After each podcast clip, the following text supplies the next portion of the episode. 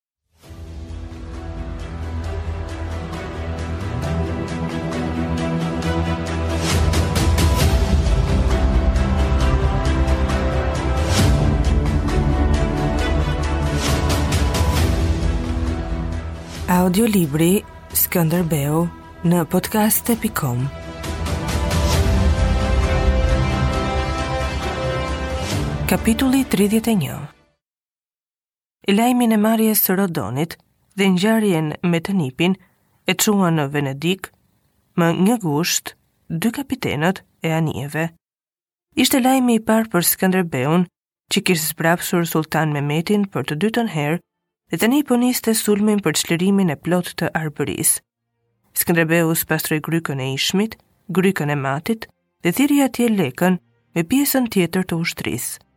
U ngrit kampi dhe filluan të mblidheshin ushqime. Skënderbeu mori krejt kalorësinë me vete dhe theu rrethimin e Durrësit. Lezha dhe Durrësi vendosën lidhjet me tokën dhe Skënderbeu ndiqte kalorësinë turke në gjithë bregdetin nga Buna në Shkumbin. Në mesin e gushtit, rrethimi në perëndim ishte thyer. Më shumë se çdo gjë, Skënderbeu ishte kalorës.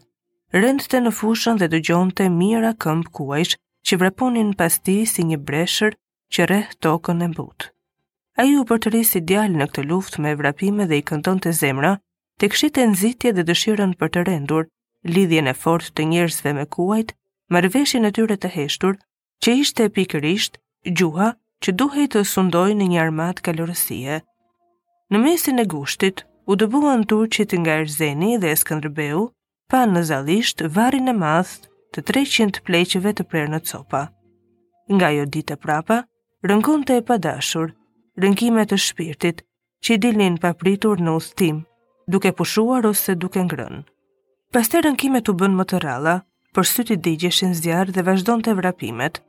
Nuk donte të shihte sa ishte plakur. Gojkos i dukej se ndonjë ditë ai do të thyhej në mes dhe do të binte nga kali i vdekur. Këtë ia tha Gjon Anamalit. Gjoni kishte ditë që i sillej Skënderbeut rrotull, për të hedhur ushunjëzat, se ia shihte fytyrën e nxirë e të tharë. Atë ditë që e goditi sëmundja, Skënderbeu po ndiqte repartin e fundit të kalorësve turq në luginën e Ndroqit, në ecje e sipër, i hipi me një ngazëllim pa shkak, që i dukej sikur vinte nga boshti i kurrizit, Ai u rregullua më mirë në shalë. Ndriçimi i fortë i tokës i mori sytë. Pastaj shikimi filloi t'i turbullohej, ndërsa zhurmat rreth tij i vinin si nga fundi i dheut. Filluan dridhmat e forta, nën diellin përvëlues të gushtit. Nuk po mundohej të lëvizte nofullat e të formonte fjalët dhe kur iu desh të fliste, foli me të shpejtë që të mbulonte kërcitjen e dhëmbëve. por ai nuk ishte dergjur në jetën e tij asnjë orë, dhe si çdo njeri që s'e ka njohur sëmundjen, nuk e pranoi atë. Ai filloi të rendte përsëri, që të mposhtte ethet me qarkullimin e gjakut. Natën e kaloi në njëfarë kllapie, u mbyt në djersë dhe në mëngjes ishte i këputur, por krejt i liruar. Atë ditë nuk pati ethe dhe në mbrëmje e kishte harruar sëmundjen. Më 20 gusht, përfundoi me kalorësinë në bregdet dhe Mamut Pasha, mëkëmbës i sultanit në Arbëri, u mbyll brenda kampit me hendeqe e mure në Fushë-Prezë. Skënderbeu u kthye te Leka në Ishëm. Rrethimi në perëndim ishte thyer, rrugët e detit ishin hapur. Në letrat që morën me vete ambasadorët e tij, Skënderbeu shkruante se turku do të dëbohej tërësisht nga mesi i shtatorit. Skënderbeu e kishte parë malarien tek të tjerët. Ajo kishte dy rrugë. Burra të fortë si kuaj ishin vënë prej saj poshtë Ishin tretur brenda një muaji në sytë e njerëzve dhe kishin vdekur. Disa të tjerë mësoheshin me këtë të keqe dhe e duronin me vite. Ajo kthehej gjithnjë në verë. Asnjë mjekim, asnjë djersitje nuk e shpëtonte njeriun nga malaria në fushë. Ethet e kapnin Skënderbeun një ditë po e një ditë jo, në të njëjtën orë para drekës. Ai ia ndiente hapat në ndriçimin e fortë dhe pastaj në zbehjen e diellit, Kur nuk e zotëronte dot mjekrën, tërhiqej me ndonjë shkak në çadër, ku Gjon Anamali e mbulonte rëndë dhe e mbante të pushtuar me trup. Pastaj vinin djersët. Vitet e fundit ai kishte vuajtur nga pagjumësia. Ethet kishin një të mirë. E mbanin nja tetë orë në një këputje që i ngjante gjumit. Ai e duronte sëmundjen me qetësi. I bindur se do të shpëtonte prej saj, dhe sa të mbaronte punë me Mamut Pashën, do të shkonte për klimë në malin e Krujës. Ushtria shtohej, vinin të rinj nga rrethinat e Shkodrës dhe ktheheshin nga leja të vjetrit. Ndonjë dezertor çohej te dy çadrat e mëdha turke buzë detit. Ditët e para të shtatorit ishin të ngrohta, të qeta, të shndritshme dhe hijet e pyjeve të errëta. Kur s'kishte ethe, Skënderbeu i hipte kalit për të bërë ndonjë vizitë në Durrës, në Rodon ose rreth kampit të Mamut Pashës. Baili i Durrësit e furnizonte me bukë të freskët, vaj e djath me kredi. Nga Raguza erdhën tre senatorë për bisedime. Republika do të jepte ushqime dhe do t'i çonte përsëri mjeshtrit në Rodon. Erdhën edhe dy anijet e para me grurë nga Napoli. Shteti i Skënderbeut çeli në pak ditë buzë detit. Gruri dhe kripa po shkonin në thellësi të vendit. Në ditët e para të shtatorit, Skënderbeu ishte gati të niste rrethimin e Mahmut Pashës. Sëmundja e Skënderbeut, mbetej një e fshehtë ndërmjet tij dhe Gjon Anamalit, po dukej se edhe të tjerët dinin diçka. Gjoni ngulte këmbë t'i merrte gjak Skënderbeut, i sajonte gjellë dhe mjekime të ndryshme. Një herë kishte dashur ta digjte në gjumë me hekur të nxehtë në thembrën e këmbës, që t'i trembte gjaku, por nuk guxoi ta bënte. Deshi t'i veshë lëkurë dashi të porsatherur, ose ta mbështillte atë me gjethe arre.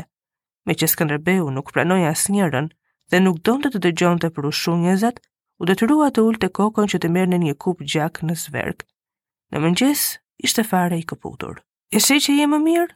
E hodhe jashtë me djersën dhe me gjakun, tha Gjoni. Për besë, Gjon, jam fare mirë, veç nuk duhet të më marrësh më tepër gjak, u përgjigj Skënderbeu. Ai ndiente mungesën e peshës së trupit, një dridhje e lehtë në zverk dhe oshëtimë e lartë në vesh. Kur ngrinte kokën, duhej të nguliste sytë diku që të mbante drejtimin, se toka lëvizte prapa dhe kalonte nga drita në hije, sikur dikush të rrotullonte diellin me dorë. Një ditë para se të nisej për të rrethuar Mahmut Pashën, ushtria do të bënte gjyqin e dezertorëve Nja 30 vetë, që ishin kthyer fshehtas dhe mbaheshin në çadra të veçuara buzë lumit. Ata u nxorën para 24 gjyqtarëve, një për çdo çetë. Skënderbeu rrinte nën lis në të djathtë të gjyqtarëve. Po përgjigjeshin dezertorët, ndryshonin vetëm fytyrat se fjalët ishin të njëjtat. Skënderbeu përpiqej të kapte përgjigjet, Dezertorët nuk i mbante katundi, kështu ata ktheheshin përsëri. Ata nuk po thoshin këtë, por nga belbëzimet e tyre, kuptohej se ashtu kishte ngjarë. Gjyqtarët vazhdonin pyetjet, thërrisnin dezertorin në betim dhe e lejonin të kthehej në çetë ose e përzinin nga ushtria. Ata kishin ikur nga lufta për të fshehur familjet nga turku. Shërbenin prej kohësh me premtimin se ndonjëherë do t'u paguhej rroga.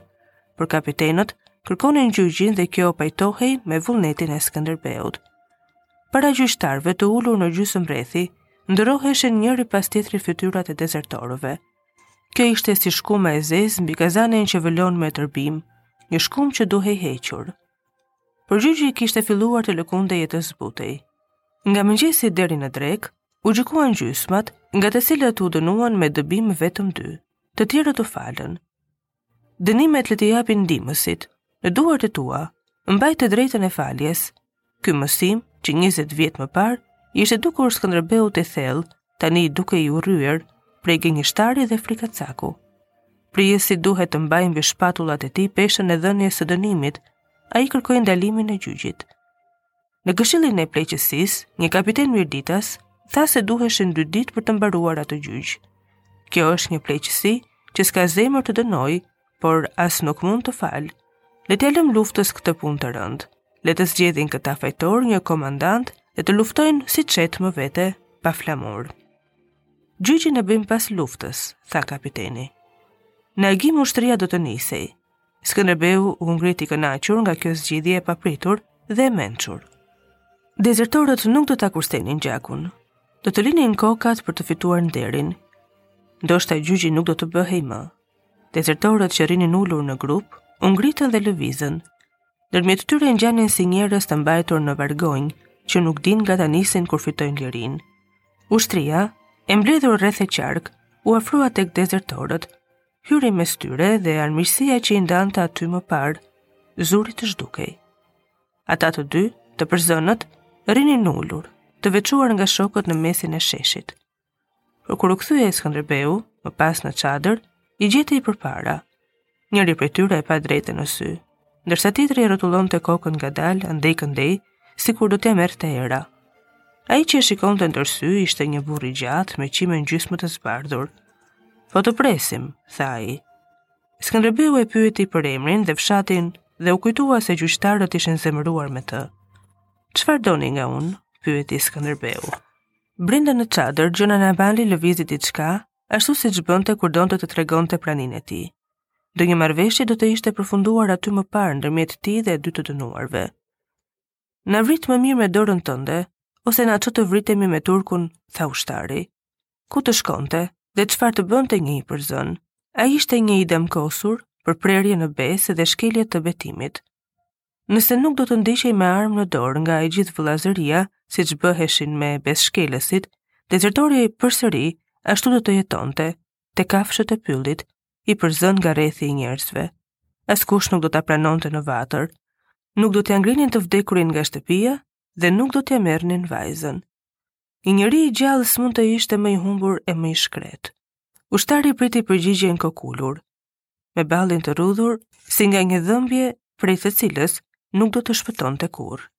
Pastaj ngriti kokën dhe pa fytyrën e madhe të Skënderbeut, me eshtrat e dala, sytë e gjelbër i digjeshin dhe një drithërimë i kaloi në trup, dukej se mezi mbahej në këmbë nga ndonjë sëmundje ose nga ndonjë mundim i rëndë i shpirtit.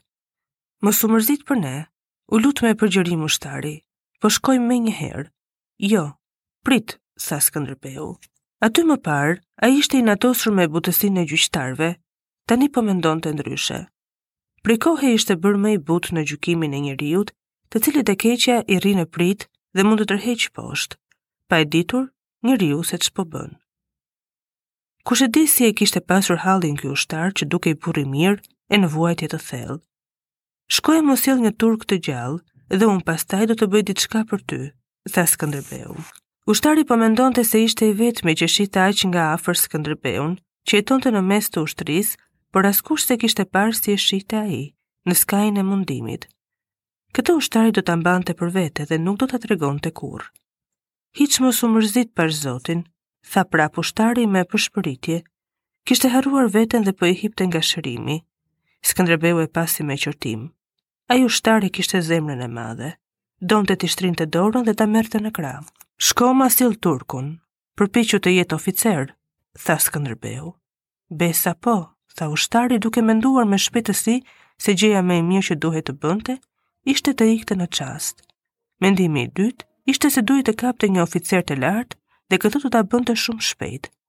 Po shkoj, po shkoj, tha ushtari. Ai donte të bënte diçka, t'i puthte dorën e ta ndihte të hynte në çadër, po ndërroi mendje dhe iku me hapat një këtu e një atje. Pak më tej ndaloi, Ktheu kokën të shihte edhe një herë Skënderbeun.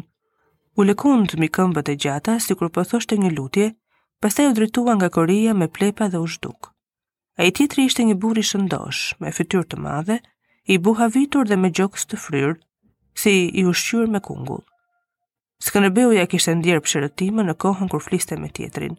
Qante pa zë, dhe kokën e mbante lart, që të shihte se po shkrinte i tëri në lot, që i rridhnin nga sytë e vegjël si ujë. Skënderbeu s'kishte parë kurrë një njeri të tillë.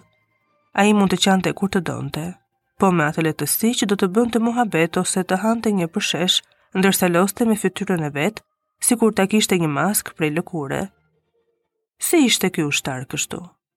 Skënderbeu iu afrua edhe më tepër dhe tha me vete se sigurisht ishin lot pa krip, po nuk ishin lot budallai. Ky ishte nga ata dinakët e mësuar që kapërcejnë çdo hendek dhe që pyesin vetëm për shpëtimin e lëkurës. Po vajton për veten tënde? Pyeti Skënderbeu. Ç'të bëj, tha ushtari ndërsa lotët shkonin në punën e tyre. Shko derdhi lotët në prehrin e sat shoqeje, i tha Skënderbeu me fytyrën e errësuar. Më fal, mund të them se nuk qaj më, tha ushtari dhe fshiu fytyrën me bryl, duke i mbledhur lotët lart me një psherëtimë të gjatë, ndërsa sytë e vegjël të ujshëm ishin gati t'ia fillonin nga e para, po ta donte puna. M'u hiq nga sytë se të preva kokën, i tha Skënderbeu. Shko derdhi lotët në prehrin e sat shoqeje. Këto fjalë që i dëgjoi Gjon Anamali në çadër, u përhapën në ushtri dhe u përdorën atë verë, vend e pa vend, për të qeshur e për të sharë.